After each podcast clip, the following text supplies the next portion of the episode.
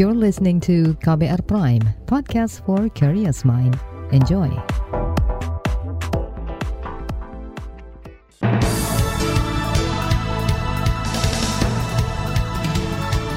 Halo saudara, selamat pagi. Senang sekali kami bisa menyapa Anda kembali melalui program Buletin Pagi KBR edisi Kamis 24 Februari 2022. Bersama saya Agus Lukman, sejumlah informasi pilihan telah kami siapkan, di antaranya kebijakan BPJS Kesehatan sebagai syarat untuk mengakses berbagai layanan publik menuai pro kontra. Pembahasan RUU TPKS di DPR kembali macet. Pelapor korupsi di Jawa Barat menunda mengajukan gugatan pra peradilan. Inilah buletin pagi lengkapnya. Terbaru di buletin pagi. Saudara pemerintah kembali memantik pro kontra setelah membuat kebijakan aturan keanggotaan BPJS Kesehatan sebagai syarat mengakses berbagai pelayanan publik. Prasyarat ini ditetapkan melalui instruksi presiden yang keluar awal tahun ini. Seseorang yang tidak punya kartu BPJS Kesehatan tidak bisa mengurus SIM, STNK, SKCK hingga tidak boleh mengakses layanan kredit usaha rakyat ataupun mengurus pertanahan hingga memperpanjang izin usaha dan lain-lain.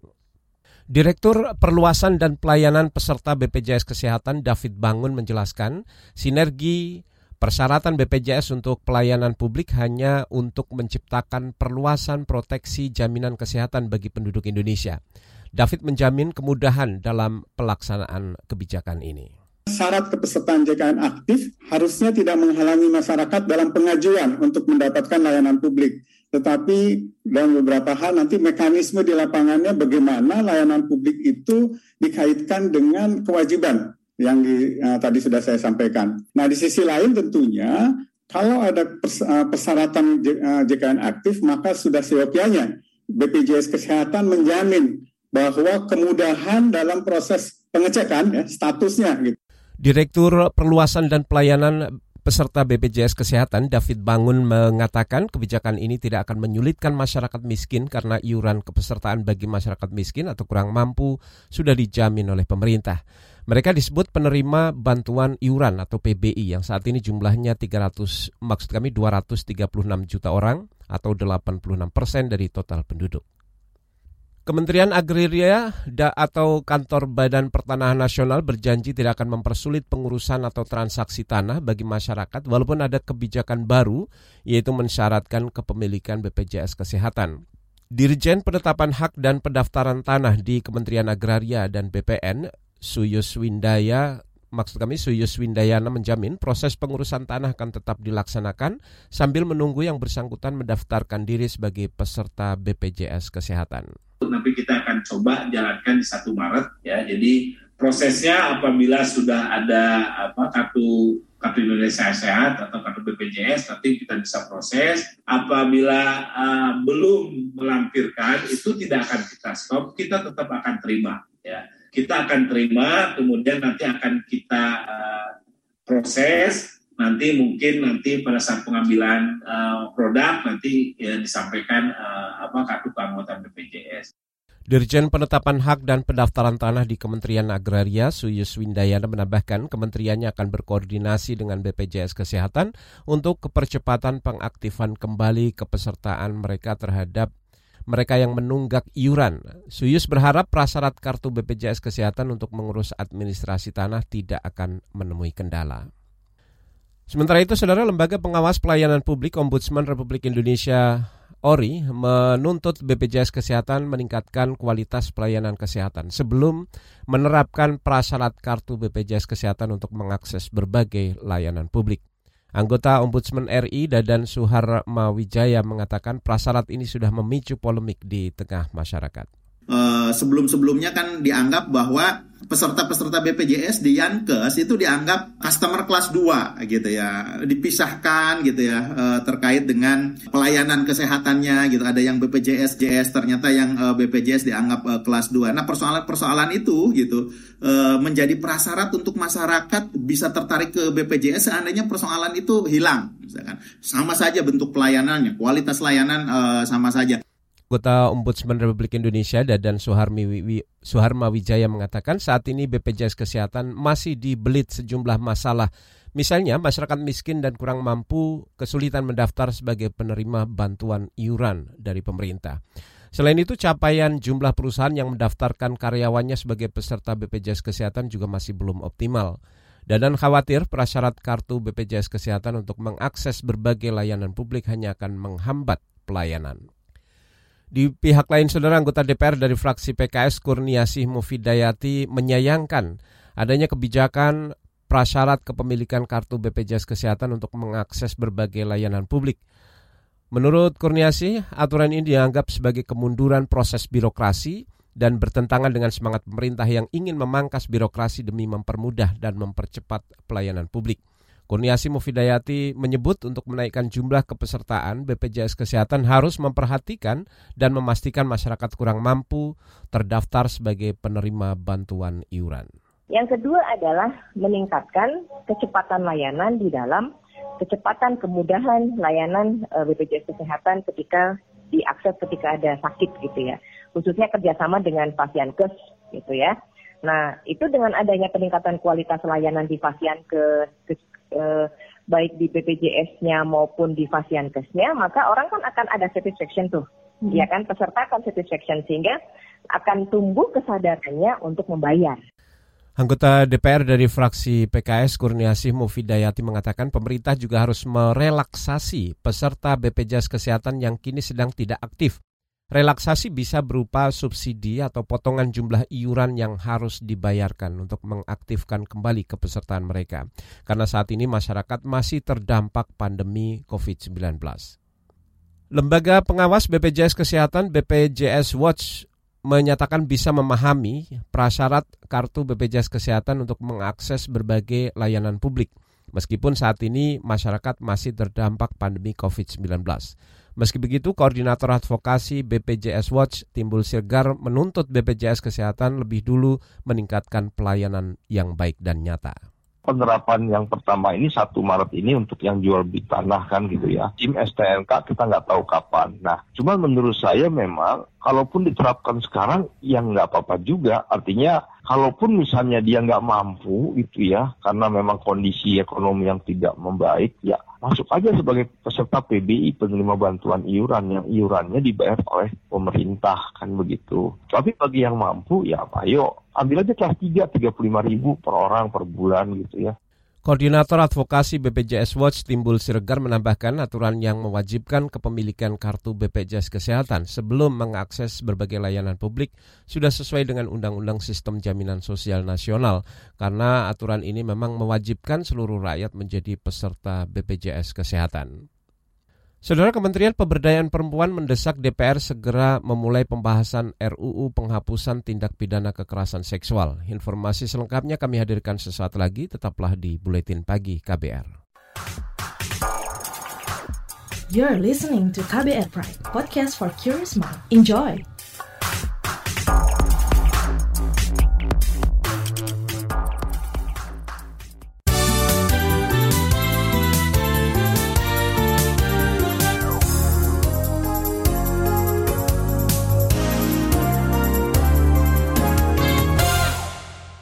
Saudara pemerintah menyiapkan program ekonomi hijau sebagai strategi utama transformasi ekonomi jangka menengah dan jangka panjang.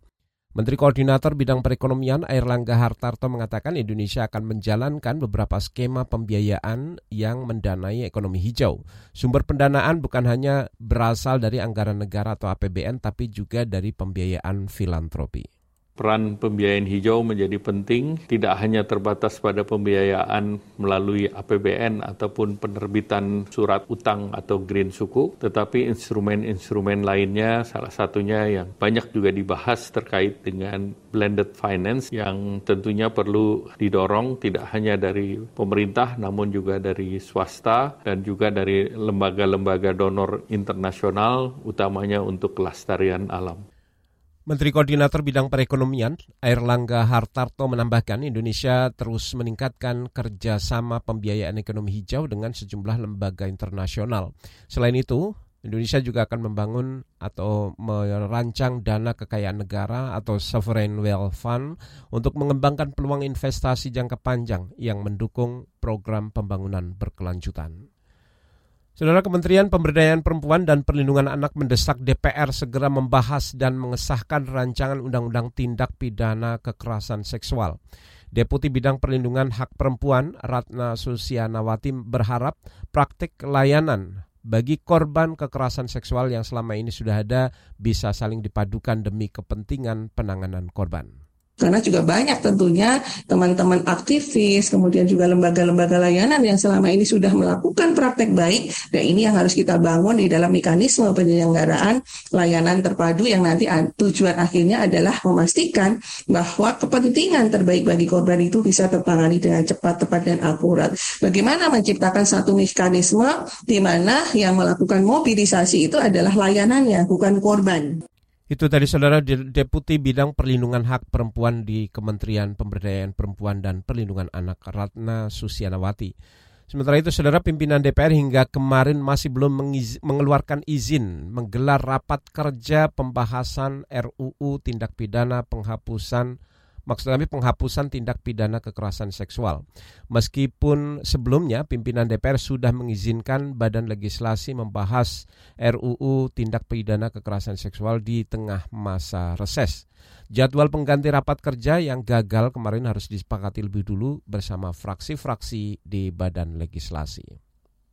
Kita ke informasi lain, saudara lembaga pemantau Lapor COVID-19 menilai layanan pengobatan jarak jauh atau telemedicine belum bisa dijalankan efektif di daerah-daerah pelosok.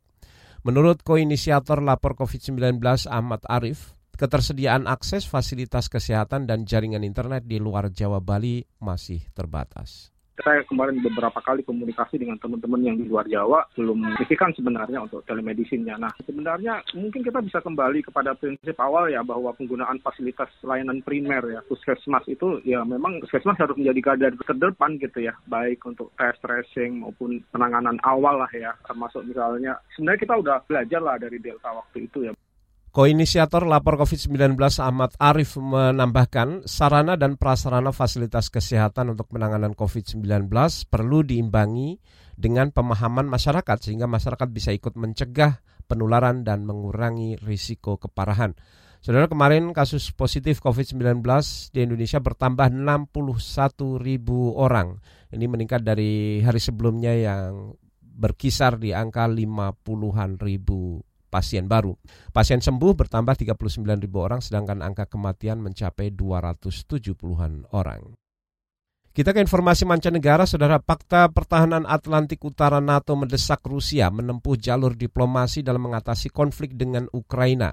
Petinggi NATO Jens Stoltenberg mengatakan saat ini adalah momen paling berbahaya bagi keamanan di Uni Eropa. NATO saat ini sudah menyiagakan 100 pesawat tempur dan 120-an kapal untuk mengantisipasi perang antara Rusia dan Ukraina. Menurut Stoltenberg, saat ini belum terlambat bagi Rusia untuk memilih jalur diplomasi ketimbang agresi. Sebelumnya, saudara pemerintah Rusia mengakui dua kota di Ukraina, yaitu Lugansk dan Donetsk sebagai negara merdeka. Pengakuan ini dianggap bisa mempercepat krisis yang dikhawatirkan memicu perang besar. Beralih ke informasi olahraga dari ajang Liga Champions Eropa, klub asal Inggris Manchester United bermain imbang dengan skor 1-1 melawan klub asal Spanyol Atletico Madrid di pertandingan pertama babak 16 besar Liga Champions Eropa. Sementara klub raksasa Belanda Ajax Amsterdam ditahan imbang 2-2 melawan tuan rumah Benfica. Dengan hasil ini keempat klub masih sama-sama berpeluang melaju ke babak perempat final. Sebelumnya Chelsea menang 2-0 atas Lille dan Juventus ditahan imbang via Real di babak 16 besar Liga Champions Eropa. Saudara di bagian berikutnya kami hadirkan laporan khas KBR mengenai manfaat dan mudarat program jaminan kehilangan pekerjaan. Nantikan informasinya sesaat lagi tetaplah di Buletin Pagi. You're listening to KBR Pride, podcast for curious mind. Enjoy!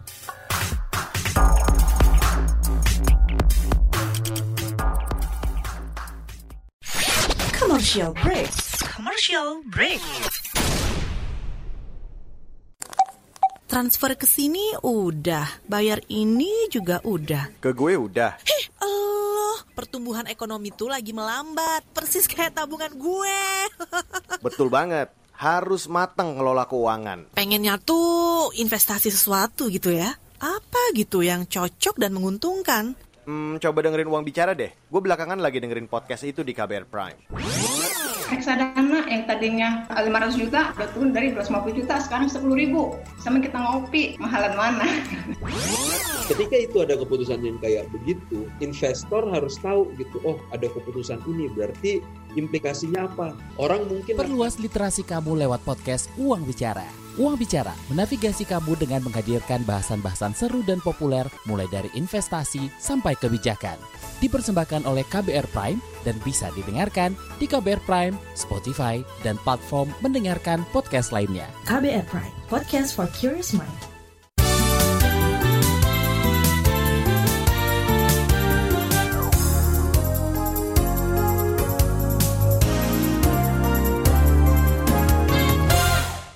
Saudara, pemerintah berencana meluncurkan program jaminan kehilangan pekerjaan atau JKP pada bulan ini.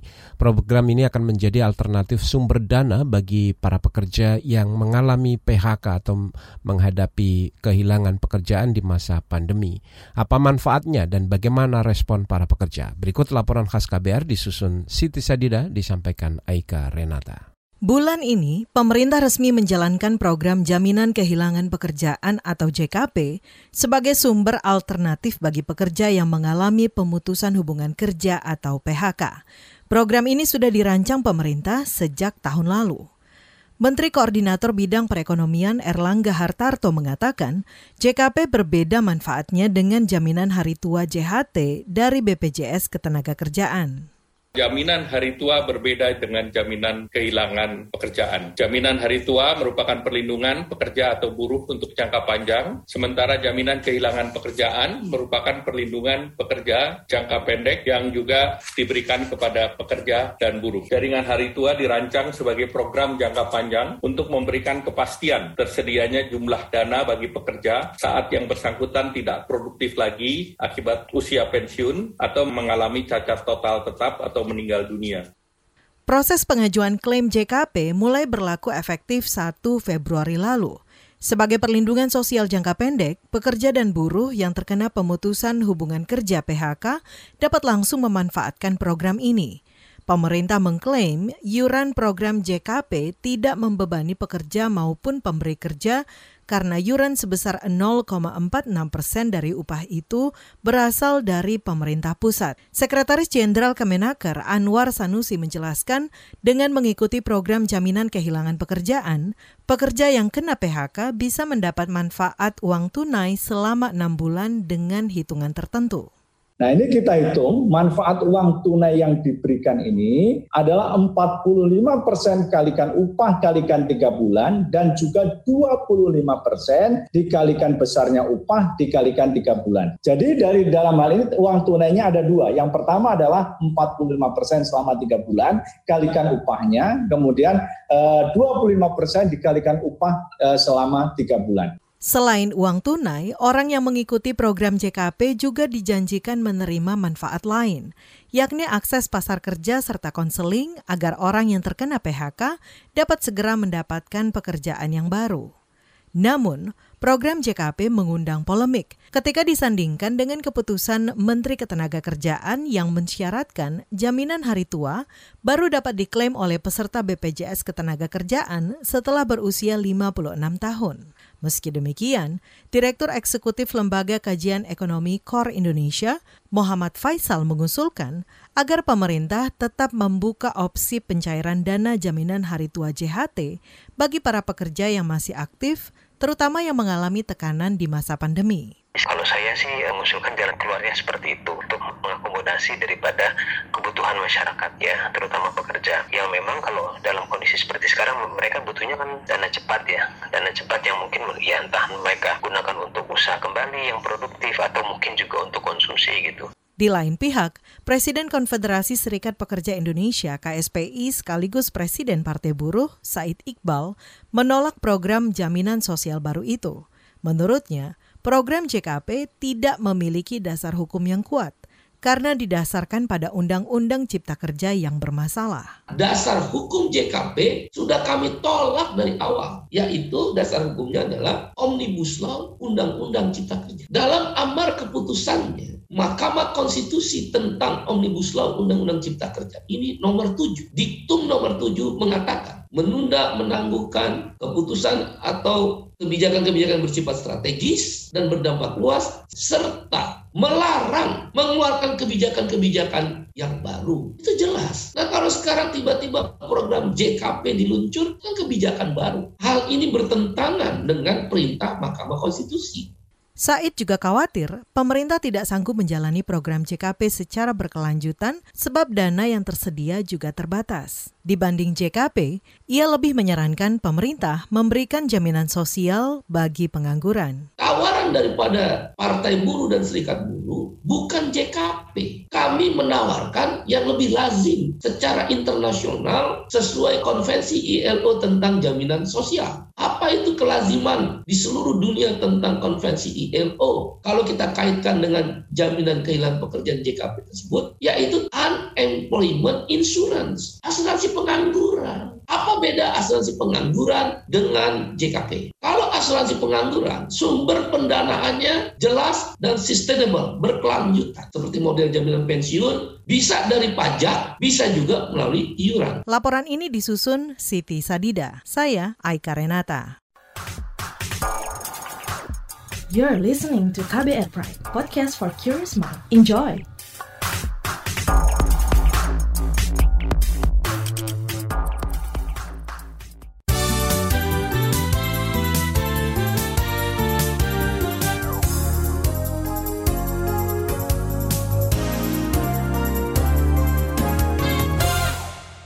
Inilah bagian akhir buletin pagi KBR. Saudara kita menuju ke Papua. Anggota DPR di, DPR di Papua mengecam adanya dakwaan makar terhadap juru bicara Komite Nasional Papua Barat Victor Yemo. Anggota DPR Papua Yonas Nusi menilai dakwaan itu terkesan dipaksakan sehingga majelis hakim diharapkan bijaksana dalam menilai dakwaan jaksa. Sementara itu, saudara Gustav Kawer selaku kuasa hukum Victor Yemo juga menilai dakwaan jaksa terhadap kliennya sangat tidak jelas dan jaksa dianggap mencampur adukkan fakta dari berbagai peristiwa. Salah satunya menghubungkan kliennya dengan aktivitas politik Persatuan Gerakan Pembebasan Papua Barat pimpinan Beni Wenda. Victor Yemo ditangkap polisi pada Mei tahun lalu karena terkait aksi protes anti rasisme dan kerusuhan di Papua. Kita ke Jawa Barat, saudara. Pelapor korupsi yang dijadikan tersangka Nur Hayati menunda niatnya untuk mengajukan gugatan pra-peradilan. Nur Hayati dijadikan tersangka setelah melaporkan dugaan korupsi yang melibatkan seorang kepala desa. Sedianya pra-peradilan diajukan pada Rabu kemarin di Pengadilan Negeri Cirebon. Kuasa hukum Nur Hayati, El Yasa Budianto mengatakan penundaan dilakukan karena ada respon dari Menteri Koordinator Politik Hukum dan Keamanan Mahfud MD. Hanya awalnya adalah mau daftar gugatan pra peradilan.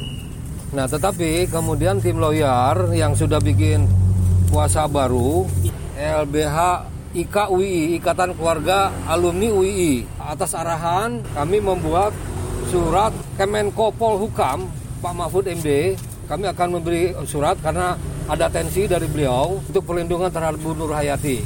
untuk pra peradilan masih dipending. Kuasa hukum dari Nur Hayati Elyasa Budianto mengatakan perhatian dari Menko Polhukam Mahfud MD merupakan titik tengah. Budianto memastikan penundaan tidak disebabkan karena adanya tekanan dan ancaman dari tersangka korupsi dana desa di Cirebon. Kita menuju ke Banten, saudara polisi mengungkap motif warga suami istri yang menimbun 9.000 liter minyak goreng di rumahnya. Warga ini diduga menjual minyak goreng keluar kota untuk keuntungan pribadi.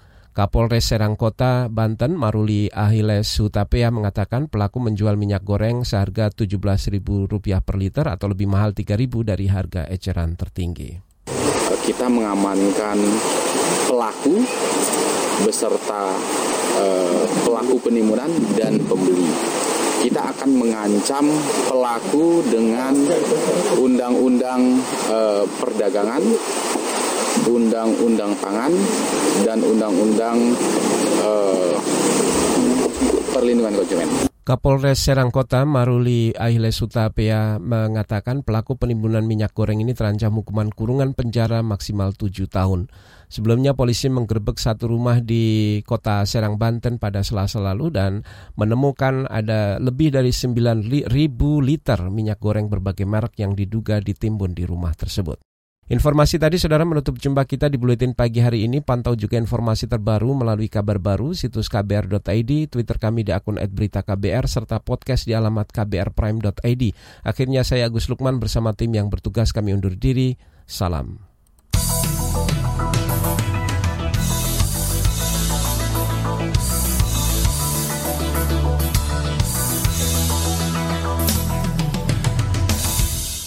KBR Prime, cara asik mendengar berita.